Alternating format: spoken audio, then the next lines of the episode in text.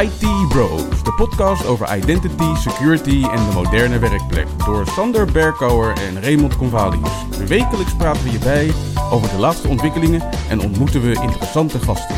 Volg onze podcast op Spotify of iTunes en stel je vragen op Twitter, ITBrosNL. Ik ben Raymond Convalius. En mijn naam is Sander Berkouwer.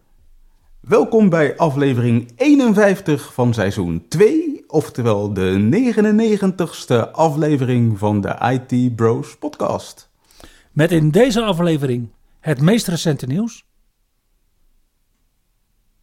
Geen evenementen. Nee. Wel een origin story van mijn maatje Maurice. En uiteraard een extra productiviteitstip van Ray.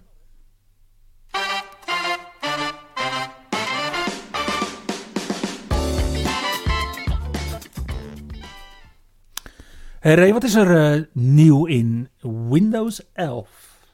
Nou, eigenlijk vrijwel niks. Er is wel een nieuwe beeld uitgekomen, 14 december. Beeld nummer 25267. Waarbij ook nog de ISO-bestanden beschikbaar zijn gekomen. En waarin Microsoft nog steeds aan het experimenteren is met de search feature in de taakbalk. Maar waar eigenlijk niks nieuws in gebeurt. Het is ook meteen de laatste beeld van dit jaar. Dus uh, wellicht dat we volgend jaar leuke nieuwe dingen gaan zien in het developer channel van Windows 11. Maar is er dan helemaal niks qua Windows 11? Ze hebben in Windows 11 2022 Update ook nog even een paar geheime of verborgen wallpapers ontdekt. Ze hebben vorig jaar toch uh, Windows 11 School Edition uitgebracht. Ja, ja. Windows 11 SE. Inderdaad. En daar zitten een paar uh, nieuwe wallpapers in met planetary en abstract wallpapers, zoals Microsoft ze noemt. Okay. En die planetary en abstract wallpapers, die kan je dus op de gewone Windows 11 ook krijgen. Ah. Maar dan moet je wel even een registry toevoegen. En dat doe je onder HKey Local Machine Software Microsoft Policy Manager Current Device. Mm -hmm. Daar moet je een nieuwe key aanmaken die Education heet. En daaronder een value met de naam Enable Edu Teams met de waarde 1. Als je daarna je machine restart, begint hij de nieuwe wallpapers voor je te downloaden en kan je ze selecteren als achtergrondje. Cool. Verder was er geen nieuws voor Windows 11, maar het was wel weer Patch Tuesday. Ja, ik wou net zeggen. Volgens mij kwamen er gewoon ook updates voor Windows 11 uit. En Windows 10 en Windows Server. En ga zo maar door. Ja. En wat we zien bij deze Patch Tuesday, oftewel de 2022.12b updates, is dat er 19 Elevation of Privilege kwetsbaarheden werden geadresseerd, 2 Security Feature Bypass kwetsbaarheden, 23 Remote Code Execution kwetsbaarheden, 3 Information Disclosure, 3 Denial of Service en 1 Spoofing kwetsbaarheid. Daarnaast werden er nog 25 kwetsbaarheden verholpen in Microsoft Edge 108, die op 5 december was uitgebracht. Zo. Nou, naast Edge zien we dan vooral dat de Microsoft Graphics Component met 12 geadresseerde kwetsbaarheden bovenaan staat. We zien ook dat er kwetsbaarheden in Windows Codex Library, Visio, Outlook, SharePoint, Hyper-V en de SSTP VPN-verbindingen zijn geadresseerd. Van al die kwetsbaarheden zijn er twee zero-day kwetsbaarheden. Dat betekent dat ze in het wild al worden misbruikt. En dat zijn CVE 2022-44698. Dat is een Windows Smart Screen Security Feature Bypass kwetsbaarheid. Mm -hmm. En CVE 2022-44710. En dat is een DirectX Graphics Kernel Elevation of Privilege kwetsbaarheid. Nou, dan is het natuurlijk altijd de vraag: zitten er dan nog dingen in die specifiek zijn voor bepaalde besturingssystemen en situaties? En dat klopt. Want als we kijken naar Windows 11, dan worden er niet alleen kwetsbaarheden geadresseerd, maar zien we ook een aantal andere issues die worden aangepakt. Waaronder een issue met de Task Manager, die uh, had zijn user interface uh, op de schop. We zien nu OneDrive notificaties in de Settings app. De Spotlight opmaak in thema's in de Settings app. En er was een issue met een open file dialog die apps liet crashen. Specifiek voor Windows 10 zien we camera-app verbeteringen bij weinig werkgeheugen. Had je te weinig werkgeheugen, stopt hij er gewoon mee. Dat is gewoon vervelend. We zien Microsoft Store verbeteringen. En we zagen dat er een issue was met foutief uitgelijnde printjes. Dus ook al kan je nog printen, ook al kan je nog je printen toevoegen, ook al heb je al je printen kwetsbaarheden dit jaar al geadresseerd, er waren er best wel weer een hoop, net als vorig jaar, blijkt dan dus dat je printjes er alsnog niet goed uitkwamen. Tja. Ja, dus dat is wel, eh, dat is wel interessant.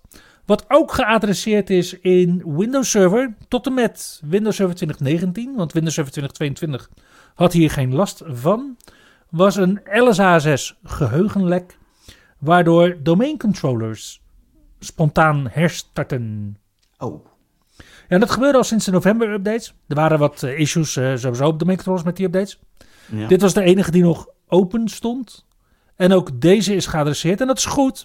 Want dat is namelijk een issue die gerelateerd was aan E CVE 2022 37967. Dat gaat over die pack signatures.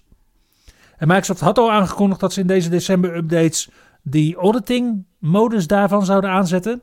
En nu die LSS geheugenlek issues zijn opgelost, kunnen ze dat ook. Dus die hele uitropplanning komt daardoor niet in gevaar. Oké. Wat er niet is geadresseerd zijn de problemen met SQL ODBC koppelingen. Die klappen er af en toe gewoon uit. Mhm. En de oplossing daarvoor is je SQL service niet te patchen. Met de november 2022 of december 2022 updates. Ja, weet je, het is wat het is. Mhm. En een nieuwe issue met deze updates is dat je geen nieuwe virtual machines kunt maken als je Hyper-V of Azure Stack HCI gebruikt en die hebt geüpgrade met de december 2022 updates. Want daar is een issue in omgevingen met Software Defined Networking. Die worden beheerd met System Center Virtual Machine Manager.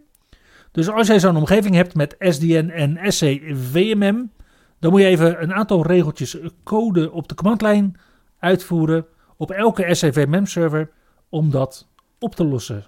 Nou ja, nu is eh, het inmiddels dus eh, december 2022. En dat betekent ook dat het einde is gekomen voor de ondersteuning van Windows 10 21H1.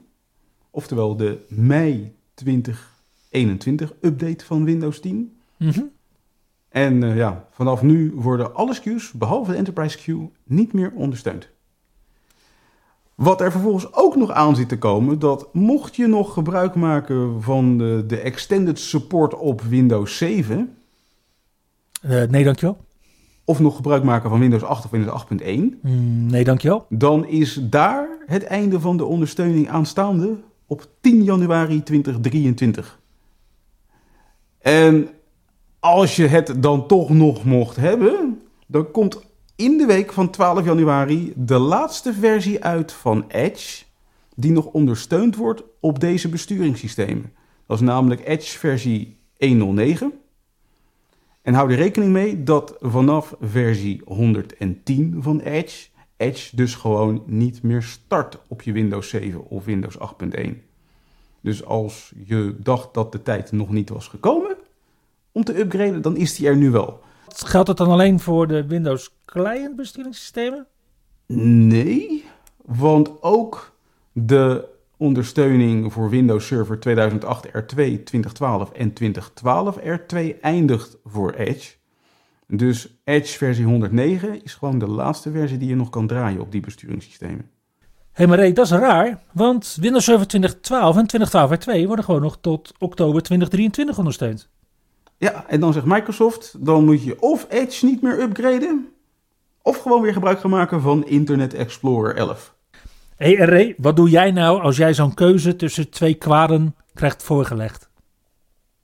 Ja, je moet gewoon als de wiede weer gaat die Windows Server 2012 R2 gaan upgraden, lijkt mij. Ja, ja, maar het wordt gewoon nog heel veel gebruikt, want het wordt gewoon nog ondersteund. Beheerders denken nog dat ze 10 maanden ondersteuning genieten op Windows Server 2012 en 2012 R2. Inclusief op bijvoorbeeld ADFS. Ja, je hebt van die mensen die zeggen van, if it ain't broken, don't fix it. Nou, na volgende maand is het broken. So fix it.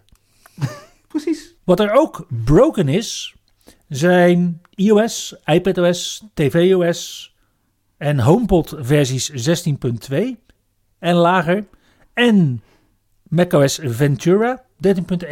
Want er is een kwetsbaarheid aanwezig. Die luistert naar de CVE 2022 42856 in WebKit. En Apple geeft aan dat dit lek al actief wordt aangevallen. En wat je moet doen is je iOS, iPadOS, tvOS, HomePodOS en macOS upgraden naar respectievelijk versie 16.2, versie macOS Ventura 13.2. En als jouw iOS en iPadOS apparaten dat niet ondersteunen, dan kun je ze upgraden naar iOS 15.7.2.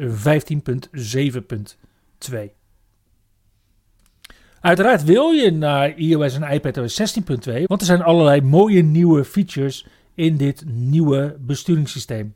Zo is er nu end-to-end versleuteling in iCloud voor 23 soorten gegevens, waar we hiervoor geen end-to-end versleuteling hadden voor reservekopieën, uh, reservekopieën voor berichten, herinneringen, bladwijzers in Safari, opdrachten, dictafoonopnames, iCloud Drive en Wallet. Hebben we dat vanaf 16.2 wel. Mhm. Daarnaast, en dit is een belangrijk, met de grote hoeveelheid kerstfeestjes die eraan komen bij mensen op hun werk.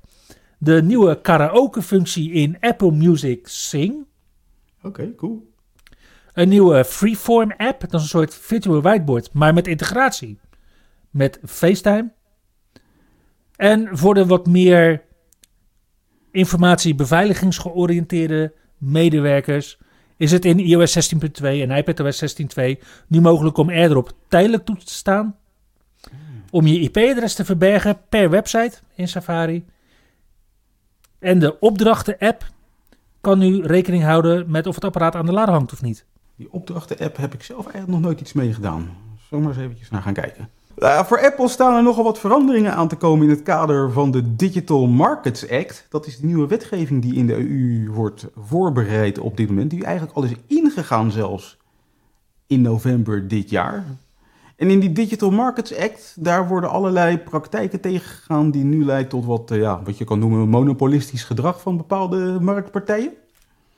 Zo zal Apple per 2024 gedwongen zijn om ook third-party app stores toe te gaan staan op iOS en iPadOS. Op zich een eh, bijzondere ontwikkeling, Mhm. Waar ja, ik toch wel eigenlijk rijkhalzend naar uitzie hoe dat eruit gaat zien. Oké. Uh, sounds like you have skin in the game.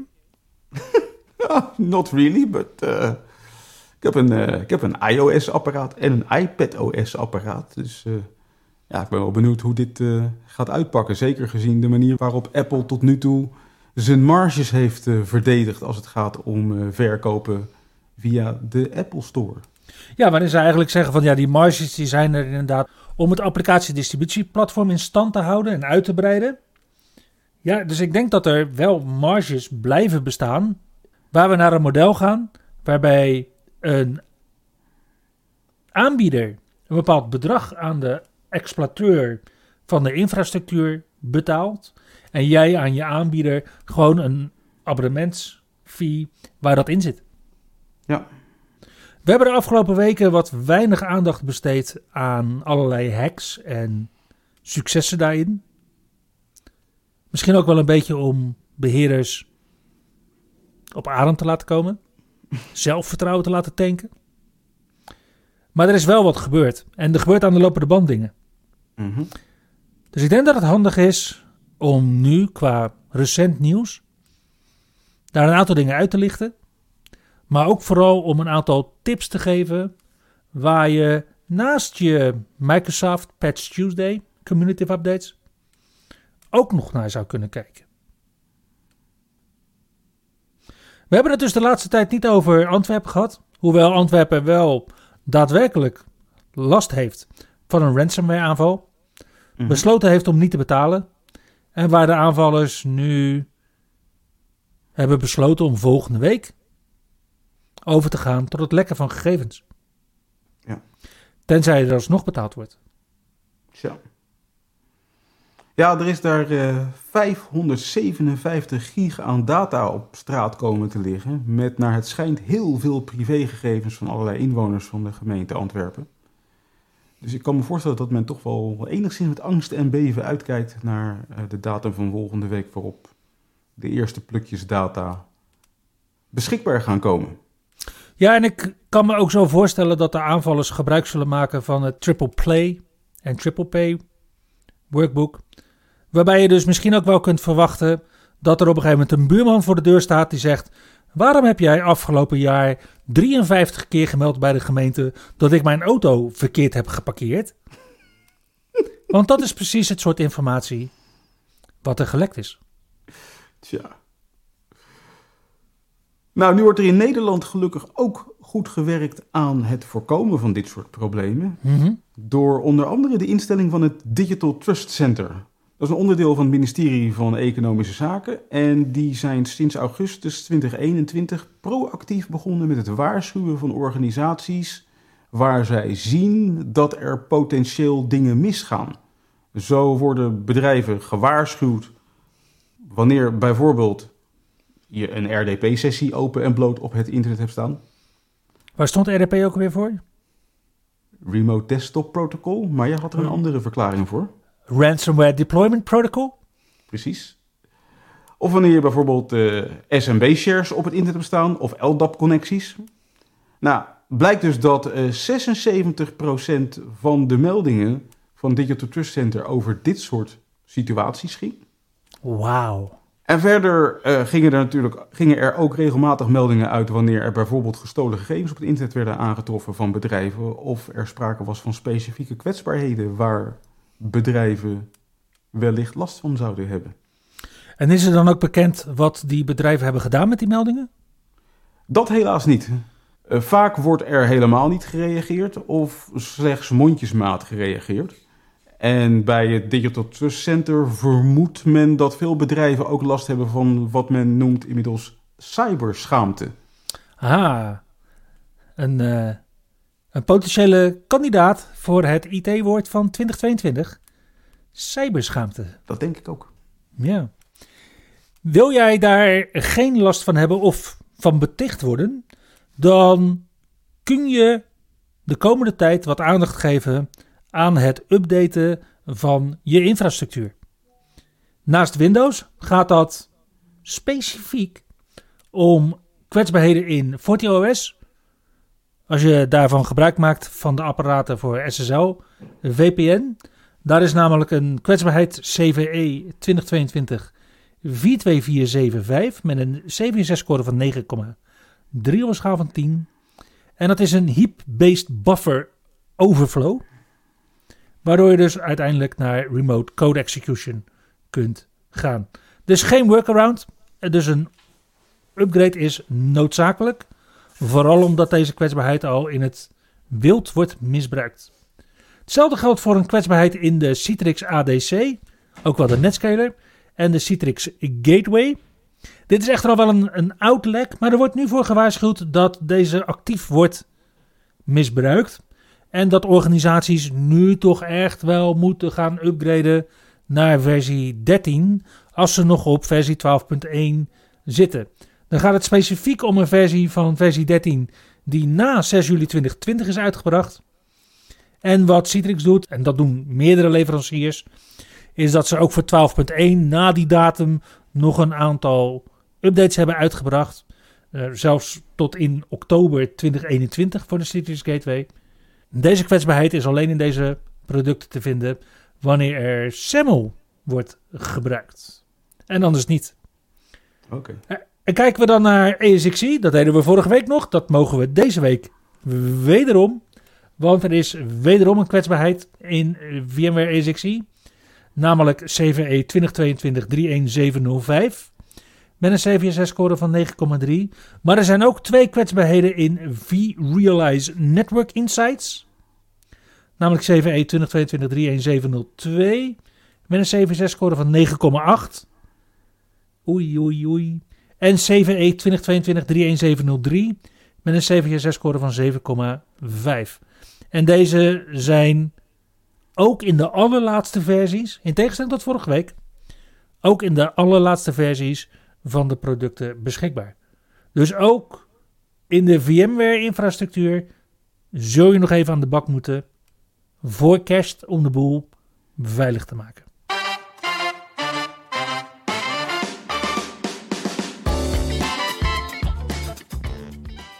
Gelukkig heb je daar alle tijd voor. Ja, want volgende week zijn er geen IT-evenementen. Het is even helemaal rustig. Mensen nemen de tijd om kerst te gaan vieren en oud en nieuw. En waarschijnlijk in januari gaan ze weer helemaal los. Zo rond half januari zal het wel weer losbarsten. Ja, precies. Ondertussen hebben onze collega's van de Workplace Dudes wel hun eerste summit aangekondigd. Gaaf. En die zal plaatsvinden op 24 februari in Nieuwkoop. En dat wordt een hele dag vanaf 12 uur s middags tot 10 uur s avonds. En je kan je nu alvast inschrijven. En dat raden we ook aan om te doen. Want de Workplace Dudes zijn awesome.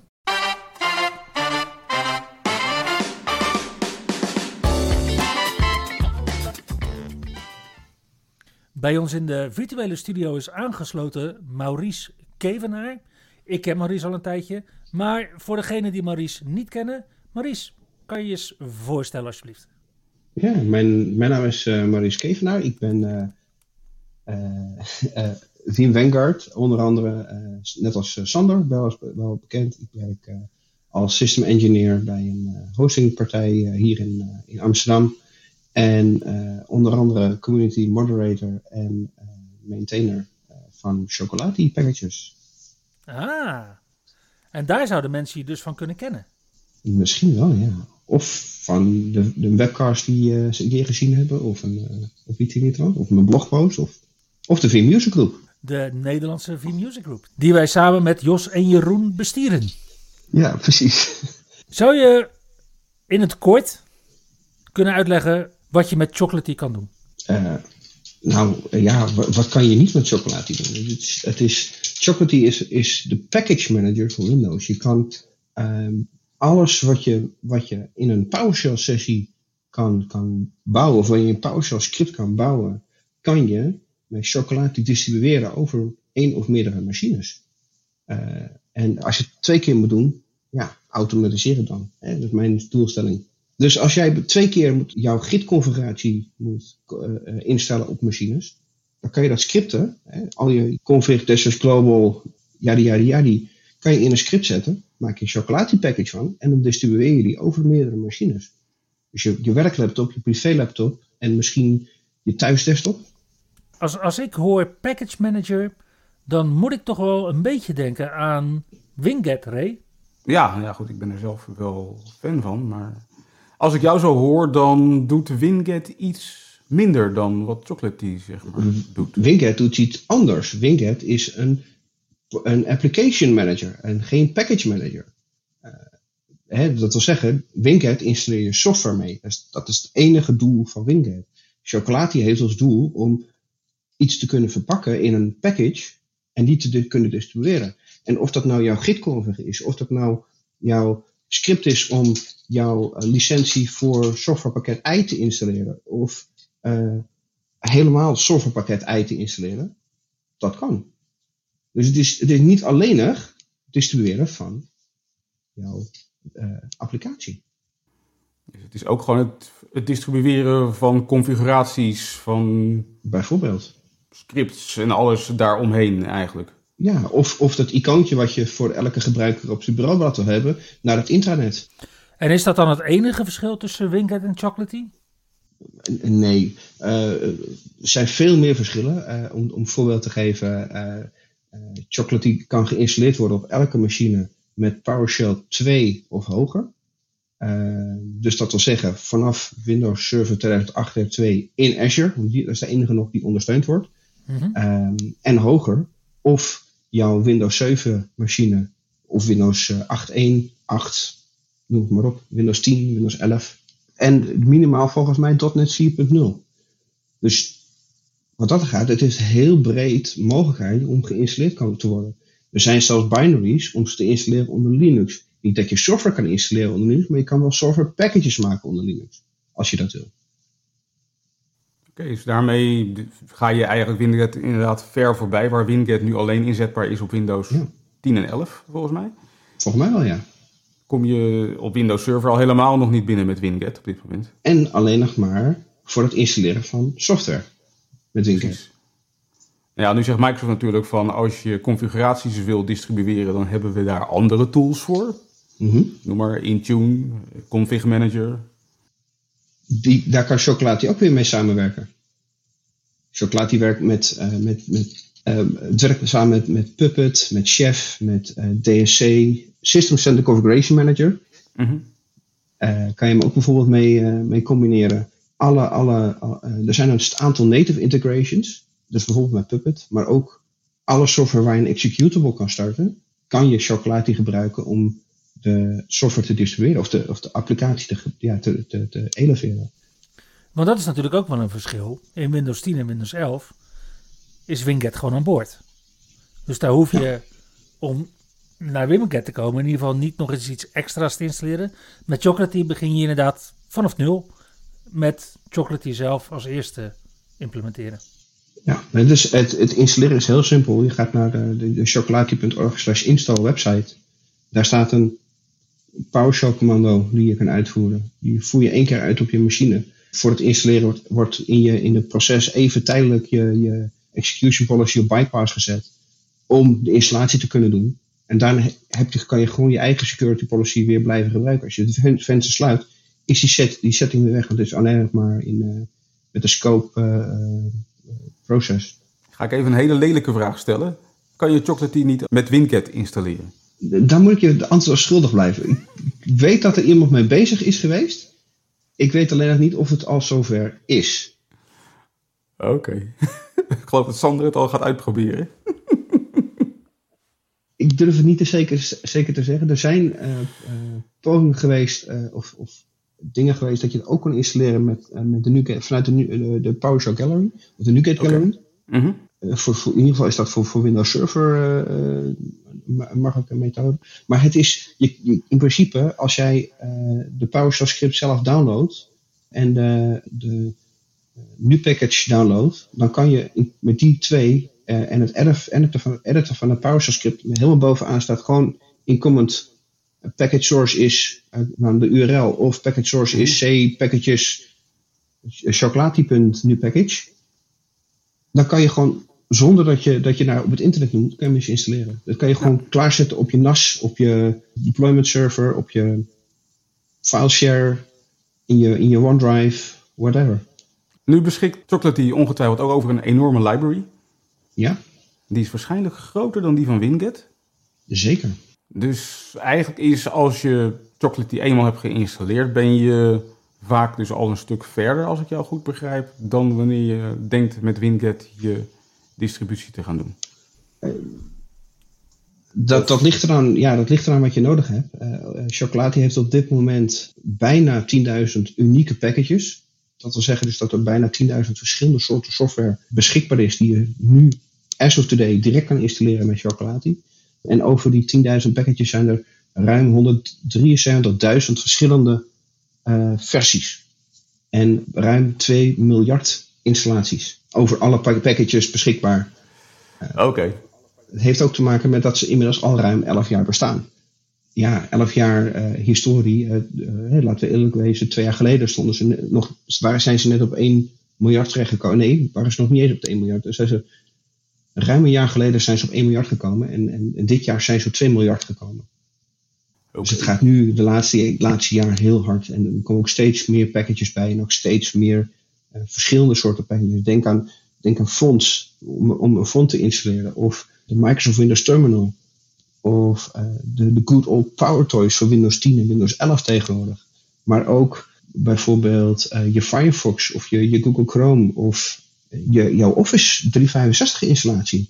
Daar staan gewoon kant-en-klaar packages voor. Of je, Vis- je Visual Studio Code. Of je, nou, ik noem maar even een paar stukken software op. Een paar grote stukken software op. Je- Adobe Reader is volgens mij package nummer 1 op dit moment. Die, die het meest geïnstalleerd is op alle, alle machines. Nou heeft Chocolatey natuurlijk een historie. Maar jij hebt ook een historie met Chocolatey, Maurice. En hoewel we bijna zouden geloven dat Chocolatey het beste is, sinds gesneden brood, hoor ik jou af en toe toch wel ook wel afgeven dat het toch niet altijd even makkelijk is om een package te maken. Bijvoorbeeld van je favoriete Veeam-producten. Ja, dat klopt. Uh, ik ben zelf ook heel erg van de automation. Uh, ik ben absoluut, uh, als je iets twee keer moet doen, moet je scripten, wat ik net ook al zei. Mijn, al mijn chocoladepackages die ik gemaakt heb, die zijn geautomatiseerd. Er, loopt via AppFair loopt er een, een, script die iedere zoveel tijd checkt bij, voor al mijn packages die ik beheer of er een nieuwe versie is. Checkt ze, uh, maakt checksums voor die, voor die bestanden, packaged een nieuw package en upload die naar Chocolati. Uh, dat valt er staat natuurlijk met de mogelijkheid om dat te automatiseren, om uh, de URL's predictable te hebben of de, de versienummer te achterhalen via de website of iets in die trant. Je, je moet die data ergens vandaan kunnen halen om dat te kunnen automatiseren. En dat gaat dus wel eens mis. En dat gaat zeker met, met bijvoorbeeld Veeam. Uh, is, is, een, is voor mij een, een, een goed voorbeeld waar dat misgaat. Uh, Microsoft is daar, heeft daar ook wat van. De URL's is ook niet altijd mee, uh, te predicten of te achterhalen. Zeker met die hele mooie GUI's of iets dergelijks die erin staan. ja. dat is niet makkelijk te achterhalen of te, te predicten wat de URL is of wordt. Ja, maar dat ja, het klinkt, klinkt wel alsof je dat heel geavanceerd en uh, mooi voor elkaar hebt voor de packages die jij zelf beheert. En dat, uh... ja, het zijn er bijna 170 verschillende. Uh, nou, dat zelfbeheren van packages, dat zie ik mezelf voor Winget nog even niet voor elkaar krijgen, zeg maar. hey, en in al die jaren dat je nu met Chocolatey bezig bent, hè Maries, wat is mhm. nou het mooiste verhaal wat jij hebt meegemaakt? Nou, het mooiste verhaal denk ik nog steeds is hoe ik aan, aan chocolade gekomen ben. En, en dat blijf ik nog steeds het, het, mooiste verhaal vinden, want dat is gekomen van een collega van mij. Een collega van mij die, die is blind en had als probleem, hoe installeer ik nou software op mijn computer? Want als we gaan kijken naar de Windows installer, we doen allemaal de Next, Next, Next Finish installaties. Uh, en, en iedere installer is anders. Iedere hmm. installer zit, het, dan zit dat knopje Next weer links, dan zit het weer rechts, dan zit het weer, dan staat er wel weer een grote danteken in, dan staat er weer geen grote danteken in, of kleine danteken in, of iets in de trant. Dus als jij, als jij blind moet, moet, moet werken en blind moet kijken naar wat er op het scherm staat, door, door audio uh, software die jou vertelt wat er op het scherm staat, is een installer een hel. Mm, ja. Eh, installeer maar eens gewoon dus de, de, de, de software van, van, van Windows om, om je scherm op te lezen. Nou, het wordt, wordt helemaal gek. Um, want het heet niet button next, maar het heet button 326.000 AQ, weet ik veel. En, en daar kan je niks mee. Want wat, wat, wat doet die button?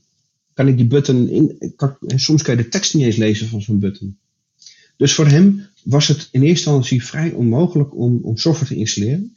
En op een gegeven moment kwam hij naar mij toe. Ik, hij zegt, ik heb een stuk software gevonden, dat is Chocolati. En daarmee kan ik via de command line software installeren. Daarmee kan ik mijn IntelliJ updaten. Daar kan ik mee mijn Firefox updaten. Zonder dat ik naar die website moet en, en moet zoeken waar ik die download button kan vinden van die website. Om de, de update te downloaden van, die, van dat stuk software. En ik was zoiets van, nou weet je, dat, dat software installeren via de command line, dat, dat zal nooit werken. Ja, ik weet niet over welk, over welk jaartal hadden we toen? Uh, dit was, denk ik, 2018. Dus zo lang geleden is dat nog niet. Ik ben, denk ik, zomer 2018 begonnen met chocolade. Uh, dus zo lang ja, ben ik eigenlijk ook nog niet in deze, dit ecosysteem uh, bezig. ja. Maar voor hem was het gewoon bijna onmogelijk om Firefox te updaten of, of IntelliJ te installeren. En, en deze manier kon hij IntelliJ updaten zonder dat hij aan een collega moest vragen van installeer eens voor mij, want ik kan het niet zien. Ja. En dat heeft me toch echt, dat is me ja, tot op de dag van vandaag bijgebleven uh, met het idee van nou dit is gewoon eigenlijk een hele goede manier om package management of eigenlijk software management te doen op je, op je computer. En ja, ze noemen het zelf ook altijd sane software management uh, als, als een van hun slogans. Maar het, het is echt op die manier, het is ja, in mijn optiek, en misschien ben ik biased, absoluut, maar uh, in, in mijn optiek is het wel de meest makkelijke manier.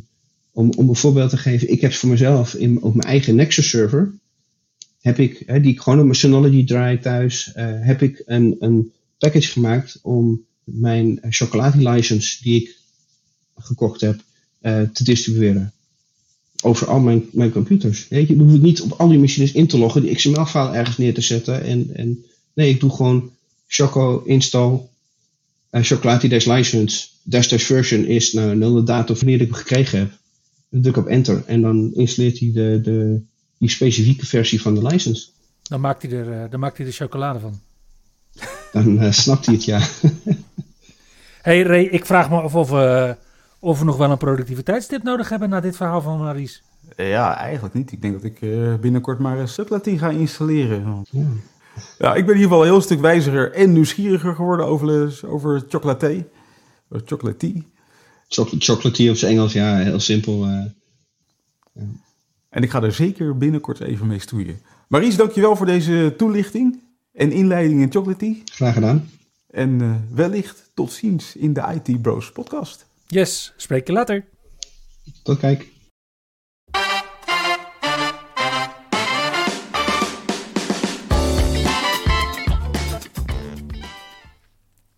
Hey Ray, wat is de productiviteitstip van vandaag?